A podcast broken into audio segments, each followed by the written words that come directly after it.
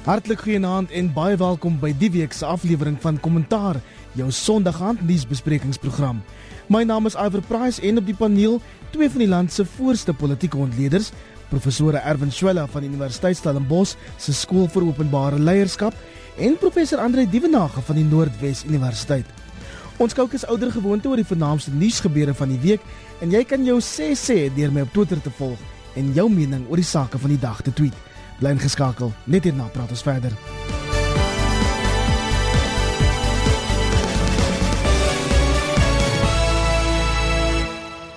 Kollegas, ek wens ons kon oor goue medaljes en 70% goeie nuus praat, maar kom ons begin met die City Press onthulling vandag dat die ANC dalk by die Chinese Kommuniste Party gaan geld kry om 'n politieke skool van honderde miljoene rande op 'n plaas in Noordwes op te rig. En Andre, dis mos die einste plek waar Tandi Modisi by daai dieremishandelingsake betrek word. Dis 'n ander storie, maar 800 miljoen rand van Chinese kommuniste, regtig? Iwer, uh, ja, die inisiatief is al vir 'n tyd in die weer. Ek weet dit is baie sterk beklemtoon by die Mangaung konferensie en daar's ook gesê dat Galema Motlanthe daardie leiding gaan neem. Die agtergrond hier is dat uh, partye met 'n kommunistiese streepbevrydingsagtergrond koppel met mekaar en baie van hulle funksioneer met hulle eie politieke skool ten einde opleiding te gee aan hulle kaders om hulle dan met die regte denke en vaardighede toe te rus vir die tipe werk wat hulle doen dikwels binne die konteks van kaderontplooiing en ek dink op hierdie stadium is die gevoel dat die ANC se kaders nie genoegsaam opgelei is nie veral op die vlak van die ideologie uh, moet mense georiënteer word, moet denke gevestig word, waardes uh, moet daar uh, tot stand gebring word. In daai sin is dit nou 'n inisiatief van die ANC. My kyk daarop is dat hier bestaan baie goeie instellings in Suid-Afrika om hierdie tipe van denke te ontwikkel. Jou gewone universiteite uh, kan goeie vaardighede bied. Vir my is dit iets van die dualisme wat ons ook sien in die groter politiek van die party teenoor die staat. Die party wil sy eie magsbasis vestig nie net in terme van politieke mag via die regering nie, maar ook in terme van alternatiewe strukture op ander vlakke met inbegrip van die akademie. Ek is nie noodwendig in beginsel daarteen nie, maar ek dink dit sou waarskynlik beter gedoen kon word deur bestaande geakkrediteerde instellings. Maar ons maar wag en sien wat van die inisiatief word. Dit is nie ver van die Potchefstroom kampus van die Noordwes Universiteit nie en dit behoort 'n baie interessante dinamika tot gevolg te hê.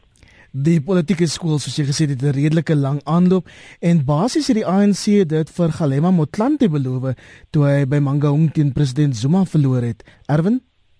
Ja, ek wil net sê dat uh, enige vorm van skoling, nou ja, miskien nie enige vorm van skoling nie, maar om mense op te lei is 'n uh, lofwaardige ideaal en uh, en behoort eintlik iets te wees waarin 'n mens uh, kan glo en wat jy aan wil deelneem. Terselfdertyd uh, is die vraag natuurlik uh, of die geld sonder enige uh, stringe kom en uh, dit is nogal moeilik om te dink dat 800 miljoen gespandeer gaan word sonder dat daar ander invloede gaan wees. 'n Mens moet natuurlik ook vra of uh, die ANC die die soort opleiding wil hê of dit juis dan nou kom ons sê maar ideologiese opleiding moet wees. Mense sou dink dat die gebrek aan tegnokratiese vaardighede veel eerder aandag moet kry. Nou mense weet nie wat alles daar gaan gebeur nie. Dit is 'n gebruik en 'n praktyk by baie politieke partye om die waarheid te sê die DA het ook 'n politieke skool en ons moet daaroor uh, natuurlik ook regheid en eerlik wees dat politieke partye het 'n behoefte om hulle eie mense op te lei. Terselfdertyd wil ek uh, sterk saamstem met Andrei. In Suid-Afrika het ons 'n verskeidenheid van universitaire instellings op verskillende uh, plekke wat hierdie soort werk doen. Ons self het 'n skool vir publieke leierskap, daar's 'n skool vir regeringskunde uh by Potchefstroom as ek dit reg het, uh, daar is by Wits 'n uh, School of Government en daar's 'n verskeidenheid van hierdie instellings en die vraag is ehm um, hoekom 6 of 800 miljoen hierin investeer terwyl dit miskien op ander plekke gebruik kon gewees het om 'n groter bydrae te maak en 'n mens wil nie 'n eenduidige en 'n stiksinige en 'n soort ehm um, ideologiese ingesteldheid hê selfs by partyamptenare nie. Ehm um, ek dink ons moet juis verskeidenheid en oopheid en verskillende mededingende idees probeer kry. So ons sal maar moet kyk die die politieke skool skoling idee is ook redelik sterk gekoppel aan die meer autokratiese en autoritaire en kommunistiese stelsels, maar terselfdertyd is daar ook in alle ehm um, ander demokratieë of in 'n verskeidenheid ander demokratieë of in werklike demokratieë om dit dan behoorlik te kwalifiseer politieke skoling wat plaasvind. So ek dink mense moet die die spasie dophou en seker maak uh, dat jy uh, miskien selfs um, op 'n manier invloed daar kry en uiteindelik ook uh, ander insette daar kan lewer. 'n Mens wil eintlik 'n diversiteit van idees en 'n verskeidenheid aanmoedig, nie 'n uh, ideologiese stiksienigheid nie. Wil jy iets daarby byvoeg Andre? Wel ek stem heeltemal met met Erwin saam. Vir my gaan die akademie daaroor dat jy verskeidenheid moet akkommodeer. Jy moet mense eintlik oplei vanuit verskillende teorieë, vanuit verskillende filosofieë en dit eintlik aan hulle oorlaat om by 'n bepaalde gevolgtrekking uit te kom. Maar as jy nou 'n skool tot stand sou kom wat min of meer uitsluitlik kom ons noem dit binne jou marxistiese en nuwe-marxistiese paradigmas uh probeer om mense op te lei en hulle oplei in die kultuur van wat Erwin daarna verwys as meer kommunistiese diktatoriale bewinde dan moet ek sê gaan dit vir my 'n bietjie teen die gees en die wese van die grondwet. Maar op hierdie stadium dink ek is dit nog baie voortydig. Ons moet wag en kyk wat die ANC met die inisiatief maak, maar dit is vir my duidelik dat hulle ongemaklik voel met die tipe opleiding wat hulle mense kry waarskynlik in jou gewone staatsgeoriënteerde universiteite. Ek self was in 'n bevoordeelde posisie om met talle ANC mense op senior vlak voor te kon plas gee by beide die Vrystaat en hier by Noordwes Universiteit. En ek moet sê dit vat ons omtrent 6 maande na 'n jaar om min of meer gemeene grond te vind binne 'n akademiese paradigma om bietjie van daardie ideologie weg te werk na iets wat 'n mens meer kan noem akademiese en wetenskaplike objektiviteit. En 'n mens kan maar net hoop dat so 'n skool ook vanuit 'n wetenskaplike veronderstelling sal werk met die doel om waardes te vestig wat die samelewing in 'n ontwikkelingsgerigte wêreld kan vorentoe neem. Terloops, ek hoor Julius Malema as 'n professor Drukutse se klas daar by Unisa. 'n Ander gebied waar verdere opleiding beslis nodig is, is by die munisipaliteite en dit na die nuus dat munisipale entiteite in die land in twee boekjare meer as 42 miljard rand ongemagtig, onreëlmatig en vrugteloos bestee en vermors het, dis nou om rapport aan te haal. Erwin, dit blyk die ouditeur-generaal se verslag is dan geen verrassing nie want ons weet van al hierdie diensleweringsbetogings wat seker direk daaraan gekoppel kan word. Daar is 'n uh, darme matige verbetering ook in die prestasie alhoewel ehm um, dit is van 'n baie lae basis af. Terselfdertyd moet ons sê dat plaaslike regering is so 'n kernbelangrike regering sweer in Suid-Afrika en oral in die wêreld. Dis waar dienste gelewer word. Dit is waar die sanitasie aangespreek word. Dis waar skoon water gelewer moet word. Dis waar paaie en infrastruktuur in stand gehou moet word. En as 'n mens dan gaan kyk na die stand van plaaslike regering in Suid-Afrika, is dit iets wat uiters kommer kommerwekkend is. Mens het die idee dat in sommige van die stedelike gebiede en dit word ook uitgewys in die auditverslae, gaan dit matig beter. In sommige plekke uh, eintlik redelik goed selfs maar dit is juis in die in die in die diep platteland waar waar hierdie goed dikwels groot probleme veroorsaak. Terloops, daar's ook interessante uitsonderings. Um, ek het net gisteraand gesien dat daar een van die ek uh, herinner my dit net is in KwaZulu-Natal 'n uh, plattelandse plaaslike owerheid is wat ook 'n skoon audit gekry het. En dit is baie duidelik die skoon audit korrespondeer en korreleer met 'n uh, goeie dienslewering want die plaaslike owerheid het uh, in die laaste 3-4 jaar uitstekende dienste begin lewer. Daar is soveel inisiatiewe aan die gang om plaaslike regering te probeer verbeter, maar dit is maar nog steeds 'n 'n 'n 'n situasie wat uh, dikwels misluk. Ehm um, en dit is so kernbelangrik vir die vir die lede van die bevolking, want dis waar hulle hulle dienste kry. Ek ehm um, weet dat ons het 'n verskeidenheid inisiatiewe in die Wes-Kaap aan die gang en dit wil lyk of uh, hier uh, reeds van die vrugte gepluk word maar ek dink daar's nog verskriklik baie werk in die ouditeur-generaal se verslag is maar net 'n vorm van monitering en evaluering wat dit vir ons uitwys. Ons weet ook daar's nou 'n nuwe minister ehm um, vir 'n plaaslike regering, 'n baie bekwame minister, minister Pravin Gordhan, ehm um, en hy het daarop gewys dat eh uh, dat daar natuurlik nie net slegte nuus is nie, maar terselfdertyd weet hy dat daar 'n geweldige behoefte is aan omdraai strategieë en dit het nie net 'n impak op die dienslewering nie. Natuurlik het dit 'n impak op die dienslewering, maar dit het 'n impak potensieel op die politieke stabiliteit in die land. Baie van die gruwe wat eh uh, uh, sommige politieke partye na die tafel toe bring en wat lei tot hierdie diensleweringspetogings en gewelddadige diensleweringspetogings het te maak met gebrekkige munisipale dienslewering. Terselfdertyd en miskien net uh, vir die oomblik dan eh uh, uh, daarmee afsluit is die vraag natuurlik ook wat doen die burgery, die mense op die grond?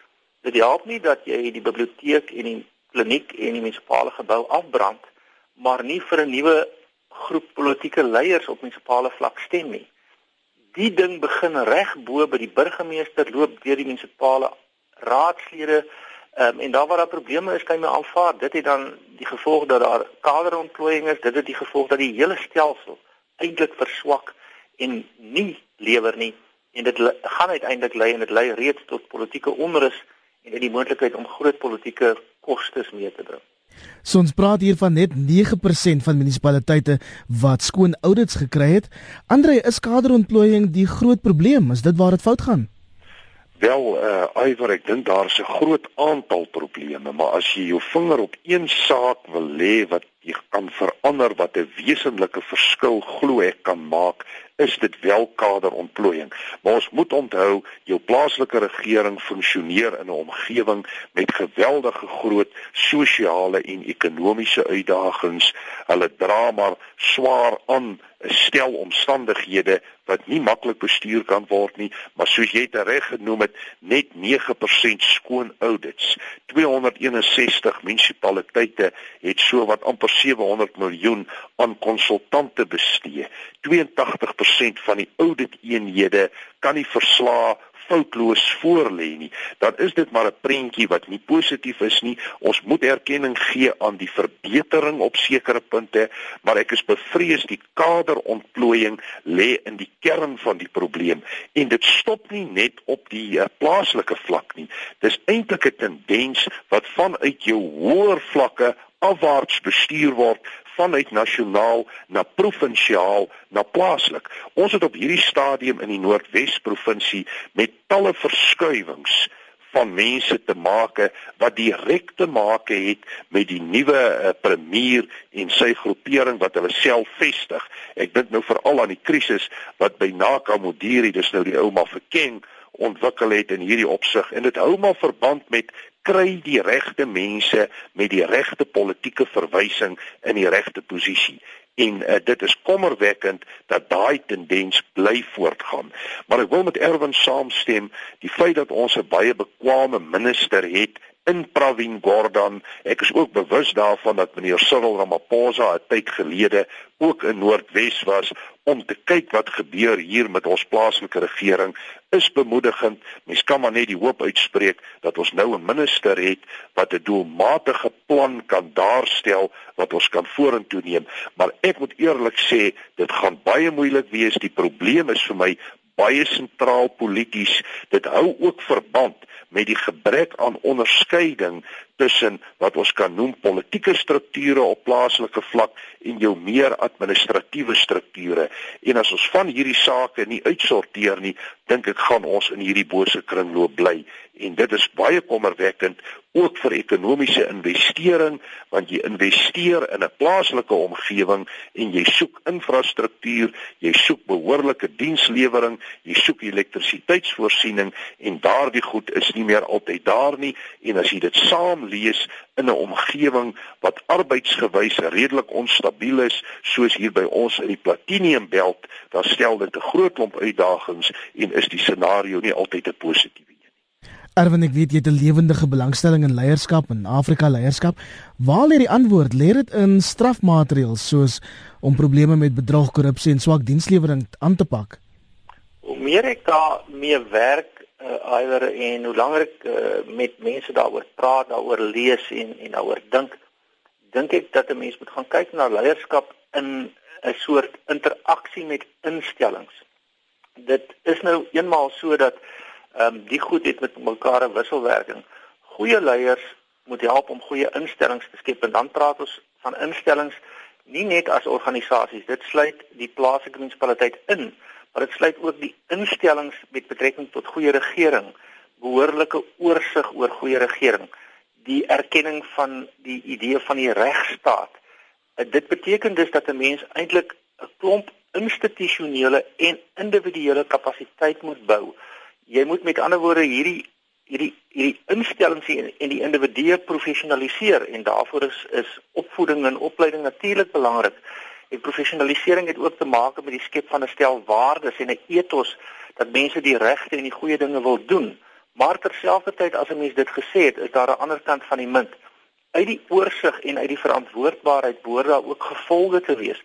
En ek dink dis dis die twee dilemma's waar ons waarmee ons sit. Ons sit aan die een kant met 'n situasie dat mense nie professioneel genoeg is nie, nie die waardes van goeie regering aanhang nie, nie die institusionele uh as dit ware ingesteldheid het om dit te laat werk of te te maak werk nie, maar terselfdertyd dat 'n klomp mense as gevolg van 'n gebrekkige institusionalisering van openbare verantwoordingdoening en aanspreeklikheid wegkom met goed. Dit sou dus belangrik wees om op albei kante te werk. Ons moet meer professionaliseer, ons moet meer oplei ons moet ons moet meer doen om vaardighede te bou. Ons moet minder kaderontplooiing hê. En terselfdertyd moet ons ook 'n paar mense in die tronk sit. Ons moet doodgewoon seker maak dat mense wat vervolg word um, op grond van uh, dissiplinêre oortredings, maar ook kriminele oortredings dat beide die dissiplinêre stelsel en die kriminele stelsel hierdie mense as dit dat hulle definitief strafbaar gestel word. Ehm um, dit help nie dat ons uh, die boodskap vir mense gee dat jy 5 dae voordat die dissiplinêre verhoor plaasvind kan bedank of dat jy uh, weg gaan kom hiermee nie. So 'n kombinasie van uh te gelykertyd professionaliseer, oplei, ontwikkel, opbou en terselfdertyd aanspreeklikheid ehm um, en verseker strafbaarstelling van mense wat nie behoorlik optree nie. Ehm um, ek het toevallig uh, nou die dag in 'n klas vir my het het het van my studente gevra ja maar moet 'n mens dan nou nie vergewingsgesind wees nie. Ek sê ja, jy jy kan op 'n persoonlike vlak vergewe en gaan kuier vir die persoon in die tronk en wees goed vir hulle, maar sorg dat hulle daar kom en daar bly. Kollegas, ons moet aanbeweeg en daar is groot ontsteltenis oor Gugilin Quinty, die minister van landelike ontwikkeling en grondhervorming, se plan om grondeienaars kopers te dwing om hulle ras, geslag en nasionaliteit bekend te maak. Andrei, Is dit 'n stap in die regte rigting of 'n paar tree agteruit? Wel, uh Iwer, ek is baie eerlik as ek sê dat ek redelik bekommerd is in die algemeen oor die situasie ten opsigte van grond in Suid-Afrika. Dis een van die brandpunte in ons politiek en ek moet sê hierdie nuutste plan wat hier voor die verkiesing en sommige sê hy was al vir 'n tyd langer in die pipeline met die idee van 'n 50% 50-50 grondverdeling is wat my aanbetref problematies. Hy is werklik waar nie uitvoerbaar na die grondvlakke toe nie, maar wat wel vir my baie duidelik is, hier is 'n groot behoefte dat hier 'n gesprek tot stand moet kom, 'n tipe van 'n grondkodesa. En ek en Erwin het al oor die saak by vorige gesprekke ook saamgestem dat hier 'n gesprek gevoer moet word om iets tot stand te bring wat werk want op hierdie oomblik is daar geweldige emosies rondom grond en ook die die basis waarvandaan geargumenteer word.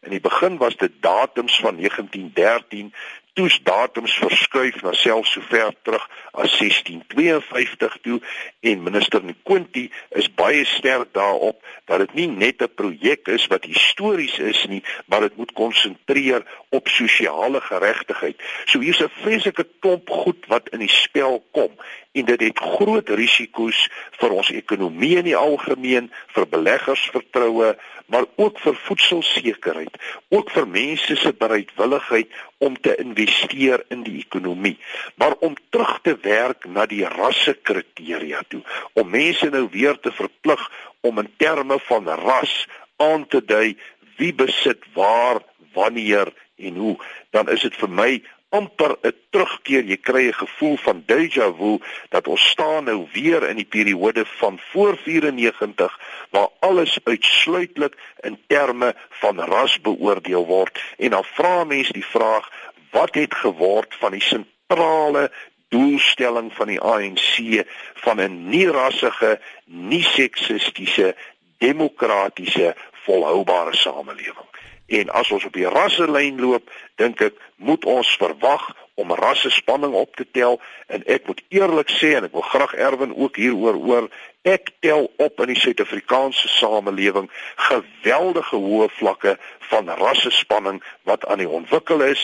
Julius Malema en die EFF het definitief ook iets daarmee te maak maar ek dink dit is 'n moeilike saak wat goed en reg bestuur moet word in belang van almal in Suid-Afrika Ek wil net bietjie duiwels advokaat speel. Die minister sê hy doen dit want niemand weet presies hoeveel grond in wit of swart of wat ook al hande is nie. Is dit nie maar 'n onskuldige plan om 'n meer akkurate prentjie te kry nie, Erwin?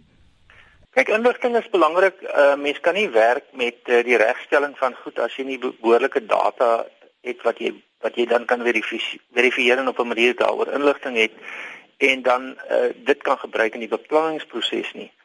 Ek dink die die die politiek grond grondpolitiek.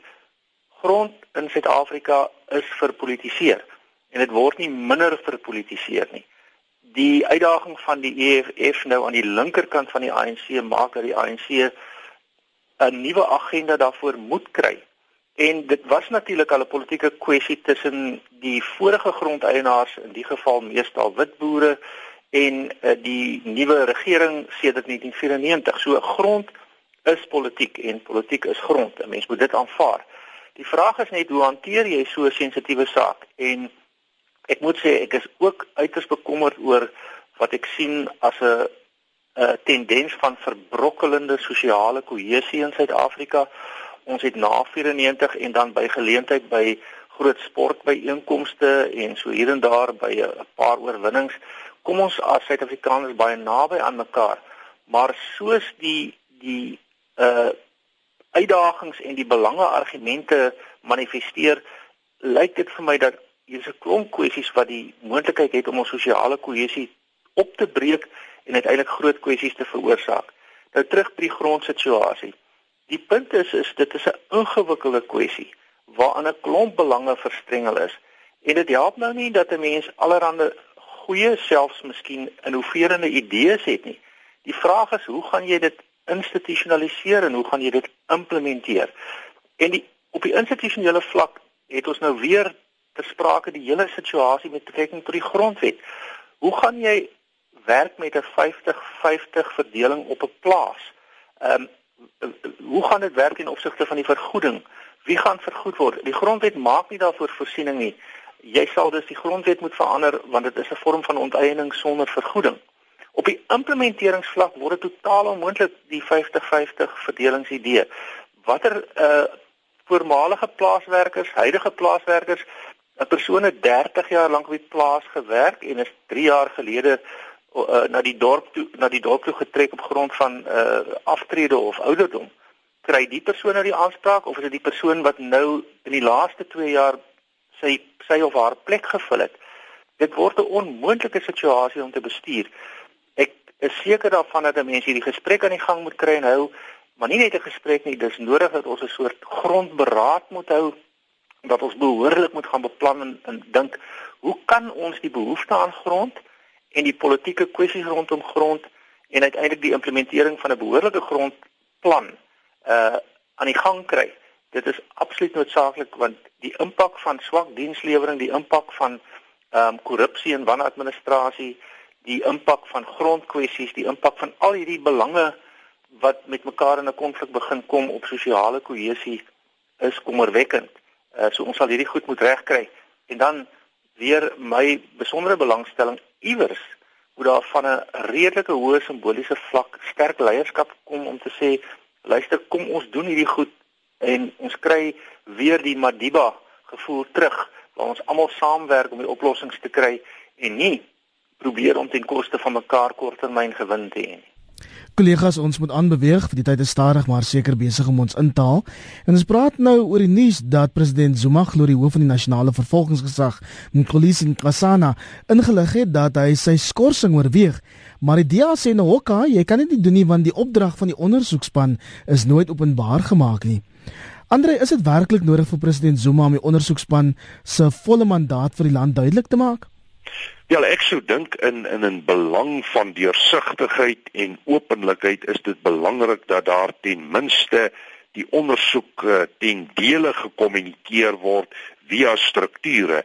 En wat my op hierdie oomblik bekommer is dat baie van hierdie verslae word eenkant toe geskuif, word weggerangeer en dan neem politici hulle eie besluite op eie maniere. Ek sien net terloops vanoggend in die media is daar weer baie te sê oor die spionasiebande en die proses wat dit uh, tot gevolg gehad het om éventueel vir meneer Zuma as president verkies te kry.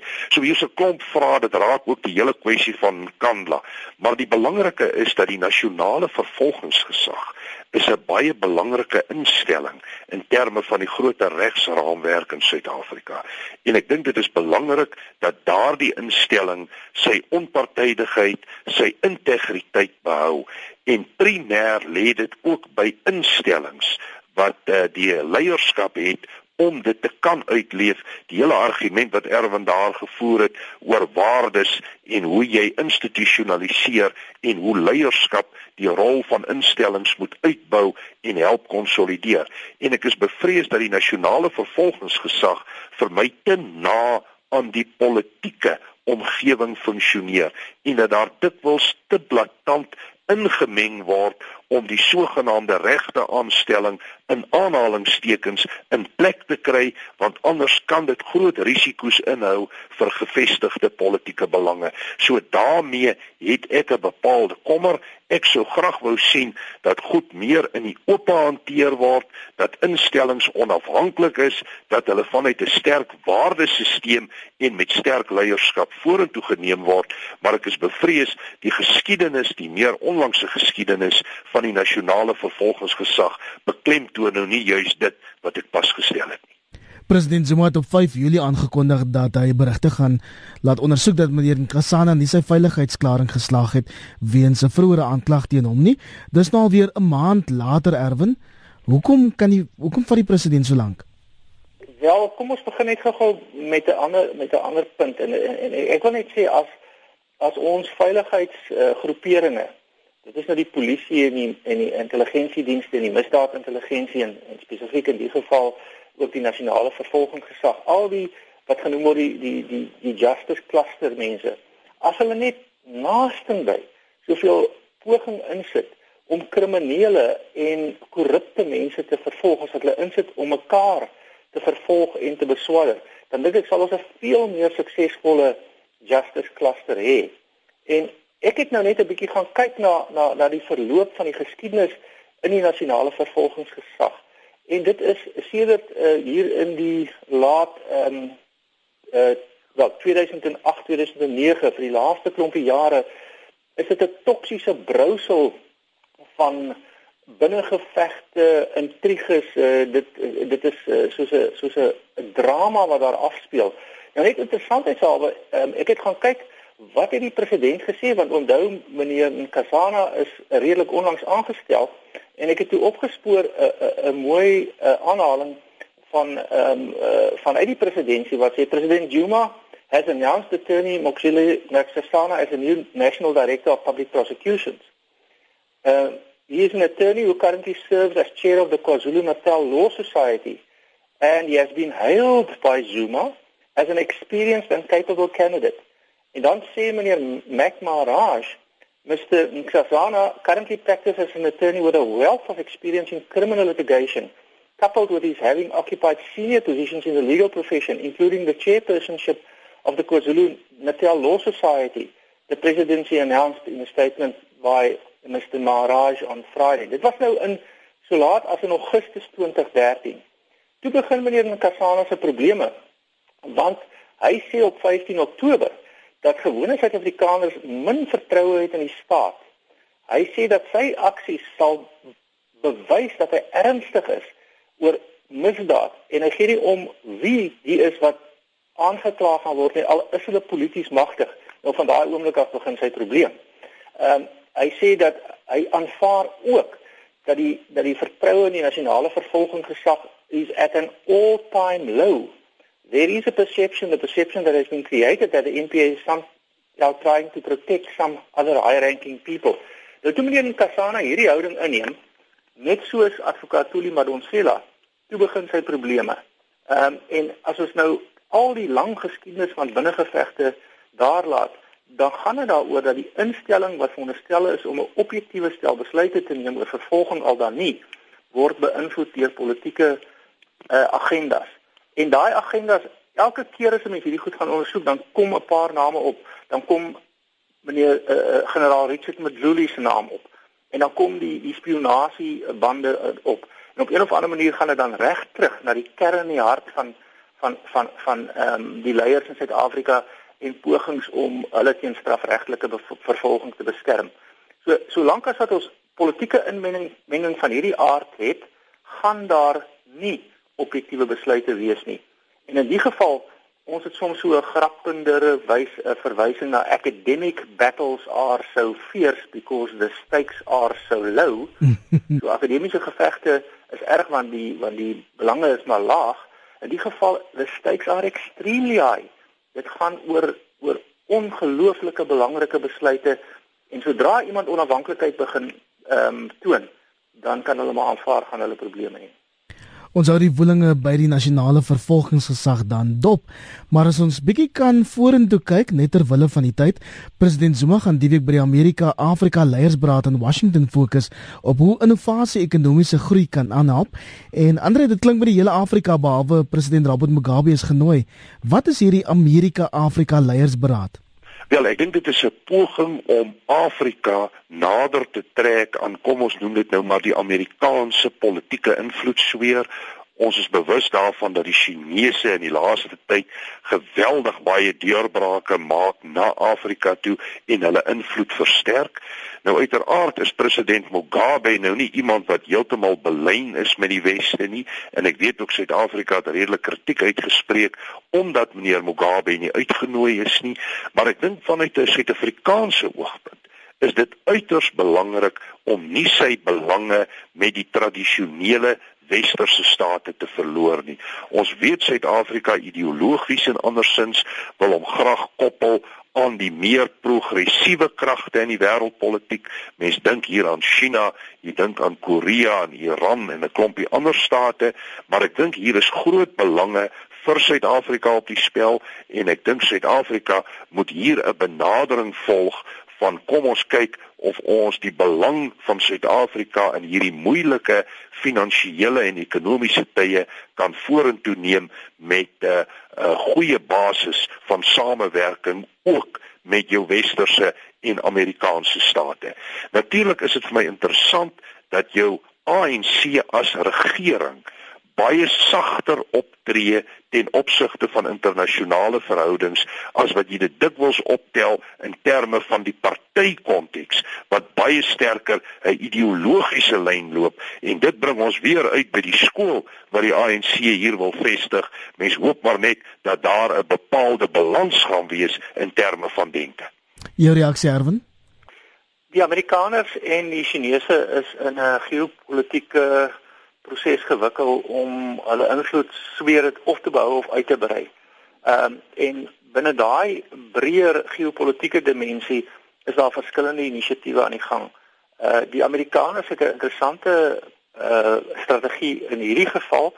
Hierdie betrokke uh inisiatief van die Amerikaners is baie sterk gerig op jeugleiers en uh, dit lyk asof hulle uh, betrokkenheid wil kry van 'n groot groep jeugleiers onder andere deur vir hulle geleenthede te gee om in die geval aan Amerikaanse universiteite te studeer.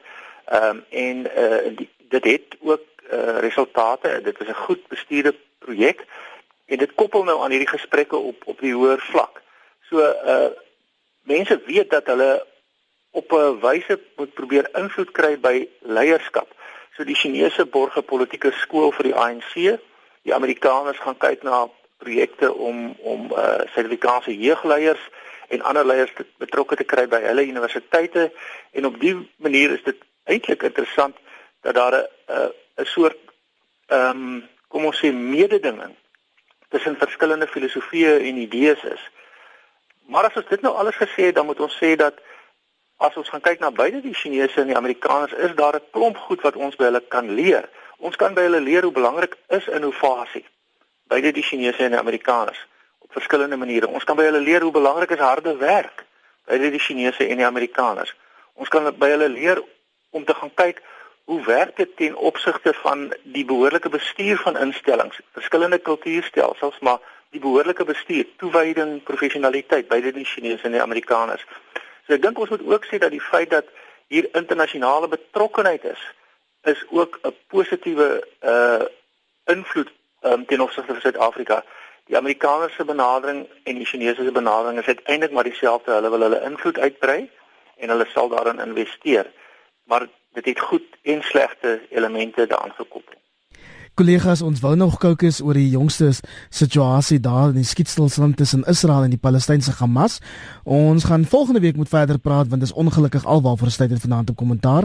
My naam is Iver Price en baie dankie aan my gaste, professor Erwin Schwella van die Universiteit Stellenbosch se skool vir openbare leierskap. Welkom terug in Suid-Afrika, Erwin.